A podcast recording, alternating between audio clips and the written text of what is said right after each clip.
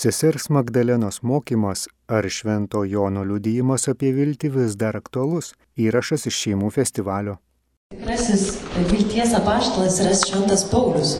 Jis labai daug rašo apie viltį ir popiežiaus encikliką, jeigu jūs ją žinote, specialvi yra pilna Švento Pauliaus citatų. Taigi šie keturi žodžiai - elpis ir tris kartus elpizau - tokia daro išvada, kad Biblijos žodis viltis yra džiaugsmingas, malonus laukimas. Ir tada aš pasižiūrėjusi tas keturias citatas Švento Jono, jas pasikapščius, pamačiau, kad yra iš tikrųjų visai daug įdomių dalykų. Ir tas visas idėjas suskirščiau į tris temas, apie kurias su jumis kalbėsiu. Pirma tema - tai bus vilimasis, tai reiškia, kad turėjimas vilties susitikti su kažkuo. Antroji tema bus nusivylimas, kaip vartai į tikrąją viltį. Ir trečioji - apie amžinai gyvenimą, kuris prasideda šiandien. Taigi pradėkime pirmą temą. Pirmosios tos Jono citatos, suprasite, kodėl aš buvau per prarandanti viltį. Tie žodžiai du kartus pavartoti antrojo trečio laiško pabaigoje, kai Jonas sako, aš viliuosi, lietuviškai išversta tikiuosi, pas jūs atvykti ir pasikalbėti gyvų žodžių. Tai čia jis kalba apie, žinoma, tas bažnyčias, kuriuoms jis rašo. Bet iš tiesų, jeigu mes galėtume pamastyti, tada galbūt tai galėtų reikšti, kad vilties objektas ne šiaip kažkokia abstrakti teorija. Kaip sako popiežius Benediktas, susitikimas su Kristumi turi būti ne vien informacinis, bet ir performacinis. Tai yra taip perkeisti mūsų gyvenimą, kad jaustumės esą atpirkti jo teikiamos vilties. Tad tai tikėjimas susitikti su kažkuo, ne šiaip kažkokia teorija. Ir tad taip, vilties charakteristika laukti greitai pamatyti tą, kurio nepažįstam. Popiežius Pranciškus davė tokį pavyzdį, kalbėdamas apie viltį, krikščionišką viltį. Jisai sako, tai kaip mama laukiasi kūdikio. Mes jo nematom, bet jinai visiškai užtikrinta, kad jis tikrai čia jau ateis. Ji beveik jaučia jo judesius, jo gestus. Taip mes turėtume laukti ir Dievo. Tokią pačią mintį pasakė ir toks prancūzas, iš jo iš tikrųjų labai nepažįstu, bet jis ekspertas yra Jono ir Pauliaus laiškų Biblijoje. Jis palygino tris vertybės, tris dieviškas darybės - tikėjimą, viltį ir meilę. Ir prancūziškai gavosi toks žaidimas, žodžių žaidimas. Tie, kurie prancūziškai supranta, gali pamatyti, tai yra entendre, attendre et s'entendre. Tai tikėjimas būtų tas išgirdimo aktas, viltis laukti to, ko dar neišgirdom ir galiausiai meilė būtų kartu klausyti arba susiklausyti. Ir labai įdomi mintis buvo, kad jis sako, mes dabar čia taip katekizmį išmokom, kad tos trys viltis yra skirtingos - meilė, tikėjimas ir viltis. Nes mums taip analizuoti teologiškai patogiau. Bet sako, kad Biblijoje pavyzdžiui, Pauliaus ir Jono laiškose, tai vienas ir tas pats aktas, kai iš tikrųjų viltis yra tiesiog tikėjimo dimencija. Mes dažnai apibrėžiam tikėjimą kaip kažką negatyvaus, bet iš tiesų tai galvom, kad tai tiesiog gimsta iš to, ko mums trūksta. Aš nematau, dėl to tikiu, bet jis kažkaip pabrėžė, pavyzdžiui, apie viltį kalbėdamas, kad tai tiesiog labai džiaugsmingas laukimas išgirsti toks troškimas išgirsti to, ką dar neišgirdau iš to, kurio aš myliu. Tai tada viltis, taip, išlaukti kažkoko, kaip dar negirdėto. Taigi, viltis gali būti taip, laukti susitikti su kažkuo, arba laukti išgirsti tą, kurį mylime. Ėjimas į pilnatvę. Ir tai mylėjimo, tikėjimo ir meilės yra tas pats objektas Dievas, tik jį išvelgiam skirtingais žvilgsniais. Tada pasižiūrėjau, nes mano temoje, kurią man davė, buvo e, žodis griaustinis. Tai reikėjo kažkaip apie jį pašnekėti. Tada nusprendžiau pasižiūrėti, kokį Dievo veidą, ką tikisi pamatyti ir ką tikisi išgirsti šventasis Jonas. Ir pažiūrėjau į tai, analizuodama jo vardus iš hebrajų kalbos. Jonas, jau turbūt žinote iš spektaklių, tai Dievas maloningas hebrajų kalboje reiškia. Jis taip pat buvo vadinamas Zebediejaus sūnumi. O Zebediejus graikiškai reiškia Zebedona. Tai Zebediejus amžinasis davė. Tai tarsi atrodo, kad Jono pašaukimas tai skelbti neįtikėtiną Dievo dovaną. Jis yra tikras, kad Dievas pirmas mus pamilo. Žinote šitą citatą. Ir Jėzus davė Jonui naują vardą Graustinio sūnus su Jokūbu, jiems dviems tai davė broliams. Ir tai graikų kalboje buvo energijas, reiškia griaustinį, griaustinio sūnus. Kai kurie žmonės mano, kai kurie teologai, kad e, šitas vardas jam buvo duotas dėl to, kad jis norėjo nuleisti ugnį ant kaimo, kuris nepriemė Jėzaus liudijimo. Tačiau yra tam tikrų teologų, vienas toks Olshausen, sako, kad Dievas Biblijoje duoda vardus misijai. Tai būtų keista, kad Jėzus davė Jonui vardą, primindamas kažkokį neįgiamą dalyką, kaip bausmę kokią, negarbingas vardas. Ir jis pradėjo analizuoti, ką galėtų daugiau reikšti griaustinis. Kad tai nebūtinai supriešinti reikia šias idėjas, bet tiesiog papildyti. Tad galime pažvelgti, ką reiškia griaustinis Biblijoje. Senajame testamente tas pats žodis hebrajų kalboje reiškia triukšmas, balsas ir griaustinis. Tas pats žodis. Jūs turbūt žinote citatą tokią išėjimo knygos, kad kai Mozė užlipo į kalną ir jis dažnai ten lipdavo atstovauti savo tautą, Mozei kalbant, Dievas atsakė jam per kūno griausmų. Tad Dievas kalba, veikia griaustiniu. Kita vertimo galimybė galėtų būti, kad tai Dievo transcendencija, jis aukščiau už tai, ką mes galime suprasti. Čia jau būtų iš Jobo knygos, štai tik jo galybės užuomonės, mes tik jo šnapždės į tai išgirstume kas gali suvokti jo galybės griausmą. Naujajame testamente, ypač apokalipsėje kalbama apie raustinius. Štai šventasis Jonas juos aprašo. Jonas regėjimai matė sostą, kuris žinoma simbolizuoja Dievo artumą ir iš to sosto skriejo žaibai, aidėjo balsai ir griaustiniai. Ir kita tokia įdomi mintis, kad mes lyg atrodo esame pakviesti išmokti tokią kalbą. Po visų neįtikėtinų apokaliptinių kovų apokalipsės knygoje, po vienėlių pergalės gausiminė, kuri žinoma simbolizuoja bažnyčią, gėda jam šlovės giesmę. Vėl išgirdau gausingos minios balsą, lyg didelių vandenų šnekštimą ar galingų griaustinių dundėjimą. Ir galiausiai pačioj Jono Evangelijoje turbūt įdomiausia citata, tai kai Jonas aprašo Jėzaus agoniją taip vadinama Jėzus agonija pagal Joną, kur Jėzus sako, dabar mano siela sukresta, jis melžiasi tėvui ir tėvas jam atsako, aš pašlovinau tavo vardą ir dar pašlovinsiu. Ir aplink stovinti minė, tai išgirdu, sakė griaustinius sugriaudus. Kai kurie tvirtino, angelas jam kalbėjo. Taigi, tikiuosi, kad jūs dar neužmigat visų šitų citatų. Dabar jau galime padaryti išvadas, tai kągi galėtų reikšti tas griaustinis. Toks įspūdis, kad Jono pašaukimas kaip griaustinio sūnus, tai pirmiausia yra jo dvasinė nuostata. Žmonės, kai išgirdo tėvą kalbant, jie sakė, tik griaustinius sugriaudė, angelas jam kalbėjo. Ir toks įspūdis, kad jiems atrodo, kad tas tėvo balsas yra kažkoks baimė keliantis triukšmas. Kai Dievas pasirodo, arba kažkas, kas mus visiškai neliečia. Čia Jėzus tarp Jėzus ir jo tėvo. Čia Jėzus ir jo tėvas. Mums toks kartais gali būti įspūdis, kad viskas susijęs su Dievu mūsų neliečia. Ir ypač, kai mums sunku jūs tai toli.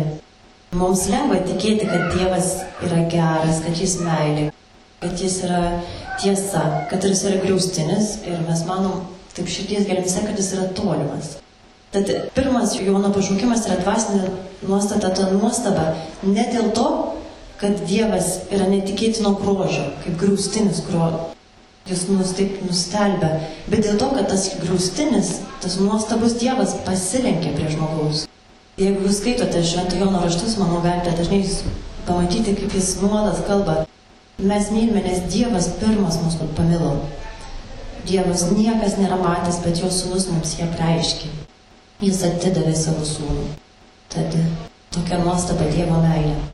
Bet šitokia informacija, kad tas Dievas, griaustinis, toks didelis Dievas, kurio mes negalime apriepti, jis pasirinkė prie, prie mūsų, tai mums yra griaustinio žinia mūsų gyvenime. Griaustinis gali reikšti ir žemės drebėjimą, sukretimą, kurį atneša Evangelija kiekvieno iš mūsų gyvenime. Aš manau, kad jums visiems, kaip ir man, kartais būna sunku skaityti e, palaiminimus Bet visi šitie Jėzaus mokymas mums yra ne pats natūraliausias. Mes žinom, mes nujaučiam, kad tai yra tiesa, bet, bet kiekvieną dieną mums tai sukrečia kaip griaustinius tokia žinia. Toks tas mokymasis mylėti. Ir taip pat tarsi toks įspūdis, kad dar irgi dėl to griaustinio, kad tai kaip ir nerti į vandenyną ir turėti, kai neriam į vandenyną, mes nesitikim visko iš karto pažinti susitikimas su tokiu draugu, kuriuo mes nuolat turėsim ką pažinti iš naujo. Tas grauštinis kaip vandenynas. Ir galiausiai mes turime išmokti, kaip jau sakiau, apokalipsiai šitą kalbą. Jėzus mums sako, ne dėl manęs, dėl jūsų pasigirdo tas balsas. Tad mes turim, turim mokytis atpažinti tėvo balsą visose mūsų gyvenimo graustiniuose. Mokytis graustiniais kalbėti. Man vienas draugas, kai pasakiau, kad apie griaustinius kalbėsiu, sako, o ir labai gražus Justino Marcinkievičiaus eilėraštis - naktį užkluptas žaibų. Ir man taip kažkaip iš tiesų atrodė labai gražiai, jis aprašė kaip galbūt ir tą Jono kalbą, Jono patirtį, kad kai Dievas ateina į mūsų gyvenimą, mes tarsi būnam užkluptas žaibo, nustėręs. Suakmenėjau aštrios šviesos pervertas. Kas tai? meilė, neapykanta, pyktis, mintis. Ar viename smūgyje viskas? Pagalvojau, gal taip eina Dievas, gal tai jo žingsnis, jo eisena, jo pastanga išsilaisvinti, ištrūkti iš visumos, pasirodyti, nustebinti ir apakinti. Buvo galima pulti ant kelių prieš tai, kas liejosi iš pilnastvės, nesutildamas nei danguje, nei naktyje betgi tilpo manį. Naktį užkluptas žaibo nustėrų. Atrodo tikrai, kad ir Jonai šitai buvo. Dievas yra tikrai didingas ir iš tiesų visi ir Lietuvoje mes Dievą griaustiniu vadinam. Ir Senajame testamente Dievas buvo griaustinis, bet kas Naujajame testamente ir dėl ko Jonas buvo nustėręs, tai kad šitas Dievas, šitas griaustinis nu, nusprendė apsigyventi mumyse. Taigi, eikime į antrąją dalį. Kita Švento Jono citata, vilties citata. Iš tiesų mes visi žinome, kad krikščioniškus vilties objektas yra Dievas. Visi šitai išmokom. Vakar Ramūnas man sakė, kad vyskupas Keipalas sakė, kad tokią gražią citatą Dievas pirmoji vietoje, viskas savo vietoje. Ir mes visi su tuo sutinkam, visi tai žinom. Taip mes užmirštam ir nu, mums taip ganėtinai nepatogu tokia viena dalelė, kad vilties objektas yra tik Dievas. Ir šitoje citatoje, kur Jonas cituoja Jėzų, Jėzus leidžia mums suprasti, kad mes kartais gyvenime turime netikrų vilčių ir tai mums trukdo susitikti su Dievu. Ir mes galime turėti netikrų vilčių.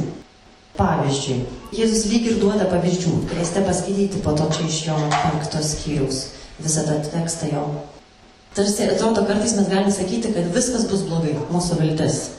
Mes tikim, bet dėl visako susitvarkom savo gyvenime, tai, kad mes niekaip, pavyzdžiui, nerandam laiko maldai, viską darom, organizuotas gyvenimas, bet niekaip nesusitvarkom su malda. Ar tai gal nebūtų mūsų nevilties ženklas, kad netikim, kad Dievas tikrai gali mums padėti. Mes sutinkam, kad Dievas geras, bet jis nesirūpina mano gyvenimu, mano pasauliu. Padėk savo ir Dievas tau padės, sakom. Čia taip suvedu su ta Jėzus citata iš Dievo garbės ieškote. Tai kaip galite mane pažinti? Ir kita idėja būtų, kad mūsų viltis, kad viskas bus gerai. Tokia kaip priešingybė kitai vilčiai, Dievas toks geras, kad tiesiog užtenka melstis, kad viskas mano gyvenimo būtų gerai. Mes galim iš tiesų būti labai gudrus ir Jėzus būtent apie šitai ir, ir šneka fariziems. Skaitom raštus, einame į bažnyčią, kenčiamės dėl tradicijų. Jėzus mums sako, jūs jais netikit. Jis taip žydams sako. Jūs tyrinėjate raštus, nes manote, juose rasite amžinai gyvenimą, bet tie raštai ir liudija už mane, o jūs jais netikit. Tai reiškia, kad mes viską darom, bet ir nesusitinkam su Dievu, nesusitinkam su Jėzu. Jis nieko nekeičia mūsų gyvenime. Jo neleidžiame mūsų gyvenime. Taigi tad svarbu nesumaišyti krikščioniškos vilties su optimizmu. Krikščioniška viltis iš tiesų reikalauja ne optimizmo, bet drąsos. Nes jei tai tik krikščioniškai vilčiai reikia atsisakyti visų kičių vilčių iliuzijų. Bet nenusivilkime. Jėzus mums sako, kad mes pilni netikrų vilčių ne tam, kad mus išgazdintų, bet e, kad mes sutiktume būti nuo jų išgelbėti, kad mūsų viltis būtų išgrynintos. Šioje dalyje norėčiau su jumis pasidalinti su tokia mūsų sesers Aleksandros, kuri teologijos daktarė yra ir Romoje Vatikane dėsto būtent šeimos teologiją, šeimos santokos sakramento teologiją. Ir ji parašė tokį gražų straipsnį apie išgelbėtą meilę. Ir jos pagrindinė mintis tai buvo, kad nusivylimas, aš nežinau tiksliai kaip tai išversti, bet prancūziškai deception, o angliškai deception, Tai nežinau, ar tai tinka verti nusivylimas, apmaudas, kad tas nusivylimas yra vartai tikrąją viltį. Ir jie sutapatino dvasinę naktį, kurį mes visi turime pereiti, su meilės naktimis šeimoje. Taigi, pakalbėkime pirmiausia apie tą dvasinę naktį asmenime gyvenime. Ir um, tai iš tiesų, kad visų dvasinis gyvenimas perina per tokį vidinį pokytį. Mums visiems reikia sekti nukryžiuotą Kristų. Šventas Jonas tai puikiai aprašo, nes jis iš tiesų, galima paklausti, kodėl jis aprašo kitų, pavyzdžiui, Magdalenos arba Petro arba kitų žmonių visokius sunkumus, netikėjimus, o apie save galvojau, tai kokios čia to Jono problemos.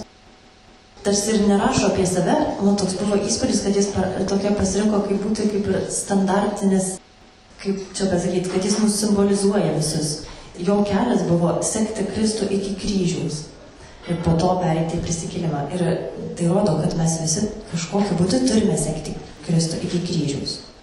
Ir būtent, kad prisikeltume su juo. Ir žvengiant į prisikėlimo pasakojimus, ypač mano Evangelijoje, gali atrodyti, kad tas nusivelimas, iliuzijų praradimas yra tarsi būtinas etapas, kad įtikėtume to prisikėlusiu Kristumi. Ir būtent šitoje naktyje galima su švento išgelbėta ir perkeista meilė. Ir jis sako, kad yra du to nusivylimų arba apmaudo objektai. Pirmas nusivylimas kitu, Evangelijose tai yra Kristumi, ir nusivylimas savimi. Ir jie paėmė du pavyzdžius. Pirmasis - tai šventoji Magdalena, papasakosi apie savo globėją. Galite kontempliuoti paveikslą. Iš tiesų Magdalena buvo labai karštos širdies. Ir jeigu tikime tradiciją, galbūt iš tiesų turėjo kitų vyrų ir panašiai, bet ji Kristuje atrado visą savo meilę. Jie tiesiog prie Jėzus kojų užtenka būti, viską dėl jo paliko. Jie atrado Kristuje tą, kuris ją myli besališkai, taip kaip niekas nemylėjo. Ar tai yra blogai? Žinoma, kad ne. Tačiau Jėzus nori ją ištyrinti, eiti žymiai toliau. Ir kai, kai Jėzus buvo nukryžiuotas ir mirė, jai tenka patirti būtent tą nusivylimą ar apmaudą ir prarasti net savo paskutinę viltį, tai patekti Jėzaus kūną. Ji visiems sako, paėmė mano viešpat ir nežinau, kur jį padėjo. Jie tai kartuoja Petrui, Jonui ir angelams. Tas, kurį jie mylėjo ir kurį galvoja turint amžinai savo meilėje, iš, iš jos atimtas. Ir kad tas nusivylimas uždaro ją savo kančioje ir jie net ir nesugeba matyti kitaip, kad pabaig, istorijos pabaiga gali būti kitokia. Ir tada angelai ir Jėzus jos klausia klausimus, būtent, kad ją ištemtų iš to tokio požiūrio ir ją kviečia į vidinį pokytį. Ir Magdarėtai, kai Jėzus prisikėlė, su tuo savo moterišką degančią širdimi, Jėzus jai sako, kad nelaikyk manęs, nors ji būtent ir buvo ta, kuri norėjo jį turėti, jį laikyti, jį prie savęs priglaustų. Ji turėjo ją tiesiog būti šalia. Kartais gal panašu į mūsų tokį, gal labiau moterišką, bet nežinau, ar tai čia galima taip suskaldyti, tą tokį troškimą turėti savo vaikus, arba savo vyrą, arba draugus labai šalia.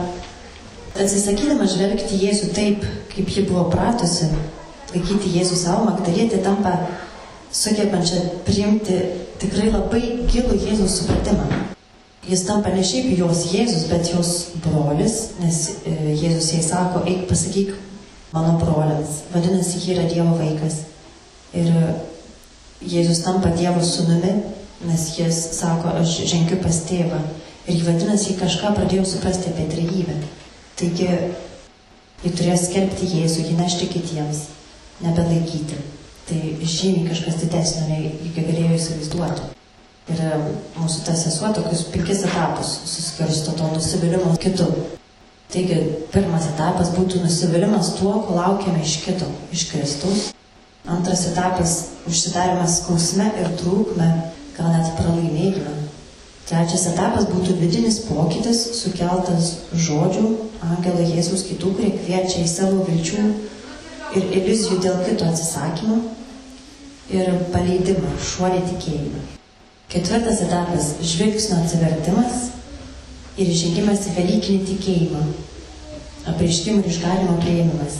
Ir penktas - susitikimas su tuo su prisikėlusiu Kristumi, kuris duoda gyvenimą ir kuris paverčia gyvenimo davėjais. Na čia sudėtinga. Tai va, toks ganėtinai gražus procesas, jeigu mes sutiktume juos sekti. Tai ir dar pakalbėkime tada apie tą kitą nusivylimą, tai nusivylimas savimi.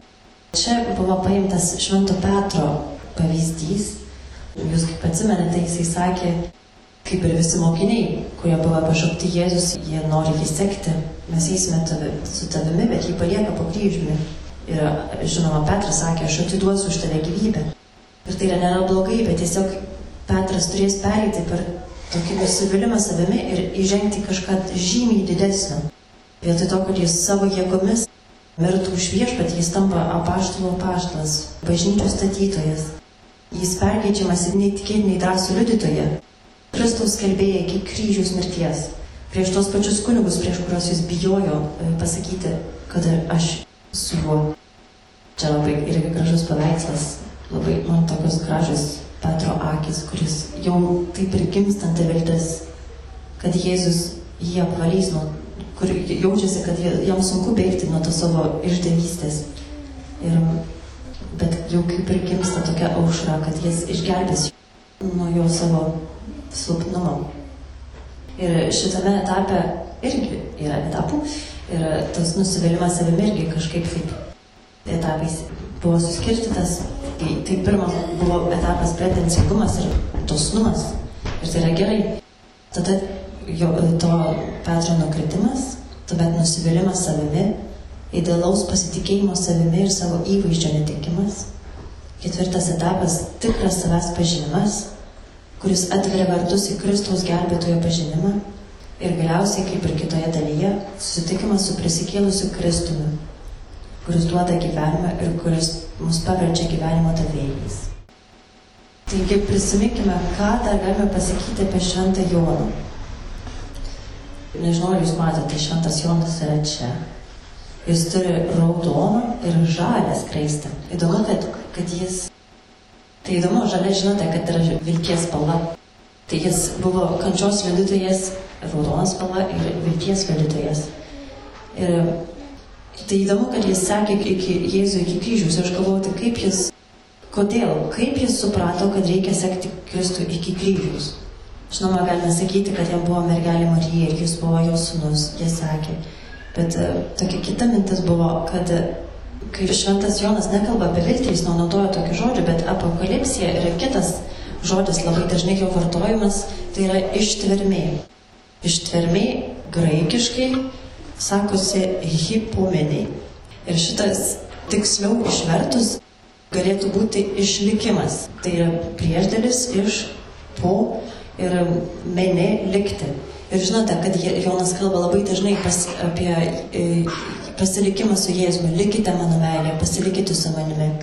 Ir atrodo, kad tai, kas Jonui padėjo išlikti iki kryžiaus, tai buvo tas suvokimas, kad man tiesiog reikia likti su Kristumi, kad net kai nieko nebematau, kai išoriškai Jėzus netrodo tas mesijas, kurio mes visi laukime, bet reikia pasitikėti tai, išlikti, ta ištvermė tokia.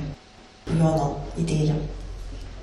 Ta dvasinė naktis tokių turi puikių rezultatų. Jis yra aprašytas, ta dvasinė naktis, žinome, apie tai girdėjote šimtą kartų jau yra aprašyta bažnyčios mistikų.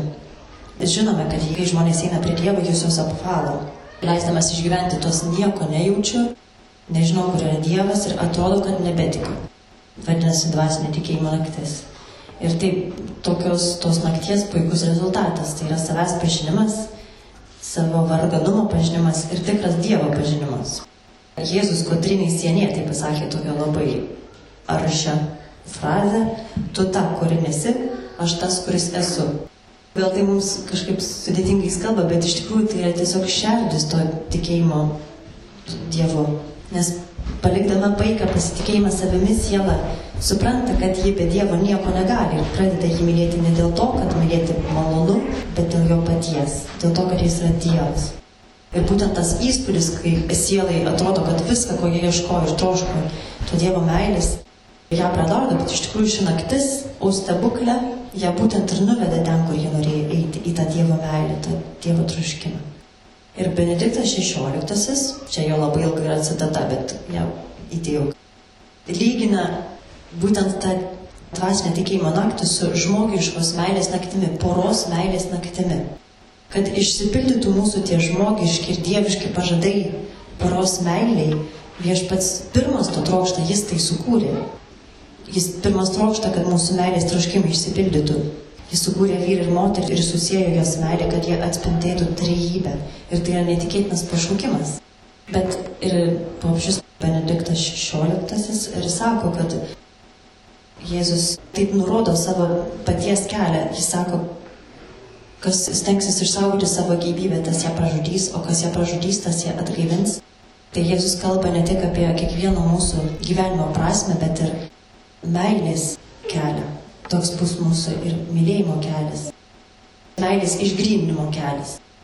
Tad tai jie prašo tą nusivylimą, kaip mes nusivylime savimi arba kitu, yra ir nusivylimas žmogiška meilė poros gyvenime, jis sako. Visi turim patirti, kad tas troškimas mylėti kitą ir amžiams save dovanoti nuolat susimaišo su kiek tokia narcizinė iliuzija. Mes visi trokštam būti kito mylimu ir pripažintu. Norim jį pasisavinti. Ir yra toks savirealizacijos troškimas. Ir tokia situacija gan neišvengiamas tada būna apmaudas ir, ir nusivylimas. Jis manęs nemyli taip, kaip norėčiau, netitinka įvaizdžio, kurį buvau sudariusi jei norime jį pasisavinti, tai tada gali būti trūkumas, jis neužpildo mano laukimų, troškimų. Arba jei norime save realizuoti, tai mano frustracija, jis man neleidžia savęs realizuoti, išsiskleisti. Ir būtent toks teologas Bernard, jis sako, kad tada toje meilės šerdyje pradeda kastis tokia skylė, skilimas ir jis kasasi, kasasi, kai mums būna tokių, va, tokių nusivylimų tose santykiuose. Ir toks kaip ir mirties veidas pasirodo, kuris iki tol buvo malonumo ir džiaugsmo paslėptas, nes gal viskas gerai lyg ir atrodo, mal, viskas paslėpta. Bet jisai sako, kad būtent šitame įtrukėje, toje skylėje yra svarbiausias momentas. Tas iliuzijų sugrivimas, trūkumas, žaizda, jausmas, kad meilės nebėra, yra būtinas neišvengiamas etapas prieiti prie tikros meilės. Kai atrodo, kad šiais laikais kartais jauni žmonės gali sakyti, kad tai būtent yra meilės pabaiga ir, nu tai ką, viską paimam rankas, išsiskiriam iš naujo pradedam. Bet tas meilės amžinumas, tas autorius sako, būtent ir išsisprendžia čia, reikia stovėti, kaip Jonas po kryžium, ištvermingai būti toje vietoje, būti su Jėzumi, išlaukti, kur atrodo, kad meilė mirus, nes čia tikrai vertai į tikrąją meilę, net ne narcistinę. Einu prie trečios dalies. Padarysiu išvadas iš viso šito. Kokios būtent išvados? Tai kad atrodo, kad vilčiai, mes kartais turime mąstyti apie tai, kas nėra mūsų viltis, kas yra tos netikros viltis, kad kokių mes tur, galim turėti kitokių vilčių. Bet reikia praleisti tam tiek daug laiko, suprasti, kas nėra viltis, nes atsisakyti netikrų vilčių jau yra vilties aktas. Nes mes pradėme tikėtis savo išgelimo tik iš Dievo. Ir žinoma, manyti, kad mūsų sunkumai gali būti nelauktas šansas. Iš mūsų atstaiga atimamos visos mūsų viltis, netikri saugumai. Ir mes taiga priversti tikėtis tik Dievu. Ir žinoma, tada galime bandyti kaip Jonas likti su Dievu ištvermiai. Trečioji dalis. Amžinasis gyvenimas prasideda šiandien. Čia buvo Jono trečioji citata. Mes žinome, kad kai Kristus pasirodys, būsime panašus į jį. Mes matysime jį tokį, koks jis yra. Ir kiekvienas, kuris turi jame tokią viltį, skaisna pat save. Tad kokia mūsų viltis tikėti jį pamatyti tokį, koks jis yra. Ir šičia buvo tik viena idėja, kurią norėjau jums pasakyti, tai kad ta viltis, žinoma, yra jau dabar ir dar ne, bet ji, mes kartais galime supriešinti amžinai gyvenimą su mūsų gyvenimu. Galim galvoti, kad, na, krikščioniškas gyvenimas, tai dabar reikia iškentėti viską, ištverti ir tada, kai numirsim, pailsėsim. Ir sakom, ilsėkis ramybėje, uždedam ant kapų žmonėms. Bet iš tiesų Jėzus savo kryžiumi, savo išgelbėjimu mus atvėrė vantus, jis nugrovė šitą sieną tam amžino ir, ir nuolatinio, amžino ir šiandienos gyvenimo. Tai tas pats gyvenimas. Ir iš tiesų tas amžinasis gyvenimas prasideda tada, kai mes sugebame daryti amžinuosius aktus. O kokie tie amžinėjai aktai? Tai žinoma yra meilės aktai. Kai mes sugebame mylėti, tada įeiname kaip mat į amžinybę meilės aktai, meilė visada liks, ir Paulius šitaip sakė. Tad e, viltis mūsų klausia, kai mums sunku ne, ne kaip čia daryti, ar nusivilti, ar viskas bus gerai, arba viskas bus blogai, nei verkti, nei džiaugtis, bet mūsų klausia vieno klausimo, kaip iš viso šito padaryti galimybę mylėti. Taigi, priimti dabartį dabar kaip realybę, kaip dvasinę patirtį. Ir tai iš tiesų ganėtinai pritariu, kad tai nėra lengva. Prancūzijos katedrose, žinosite, kur yra labai daug visokių statulėlių ant jų. Atsivertimas simbolizuojamas tokiu klaunu, kuris vaikšto aukštyn kojom. Tai pradėti gyventi tam žinojų gyvenimą atrodo, kad gali būti vaikščiojimas aukštyn kojom. Taigi pabaigai norėčiau Jums užduoti klausimą, egzaminą. Viltis. Kaip Jums e, moko žvelgti į gyvenimą? Ar sakyti, kad tai pustuštė ar puspilnė stiklinė? Labai gerai, jūs pasimetė, tai atsakymas tinkamas, net tame esmė. Viltis mūsų klausia, kaip iš viso šito padaryti galimybę mylėti. Kaip mes galime įvertinti mūsų gyvenimo sunkumus, mūsų gyvenimo situacijas. Mes juk nežinom, ar čia gerai ar blogai, kaip, kaip mums kalbėti kitiems žmonėms. Bet iš tiesų tai netame esmė. Iš tiesų tiesiog su Jonu stovėti po to mylinčio Dievo, Dievo, kurio mes negalime suprasti, bet kuris troško apsigyventi mumise, mūsų šeimose, mūsų gyvenimuose. Ir stovėti su juo ir išlaukti, kol jis išgelbės mūsų šeimas, mūsų meilę, mūsų viltį. Ir atsakyti klausimą, kaip šiuo metu, dabar čia. Ir tas dabar čia jau yra amžinybė, kaip iš to galiu padaryti galimybę mylėti. Amen. Girdėjote sesers Magdalenos mokymą ar Švento Jono liudijimas apie viltį vis dar aktualus įrašas iš šeimų festivalio.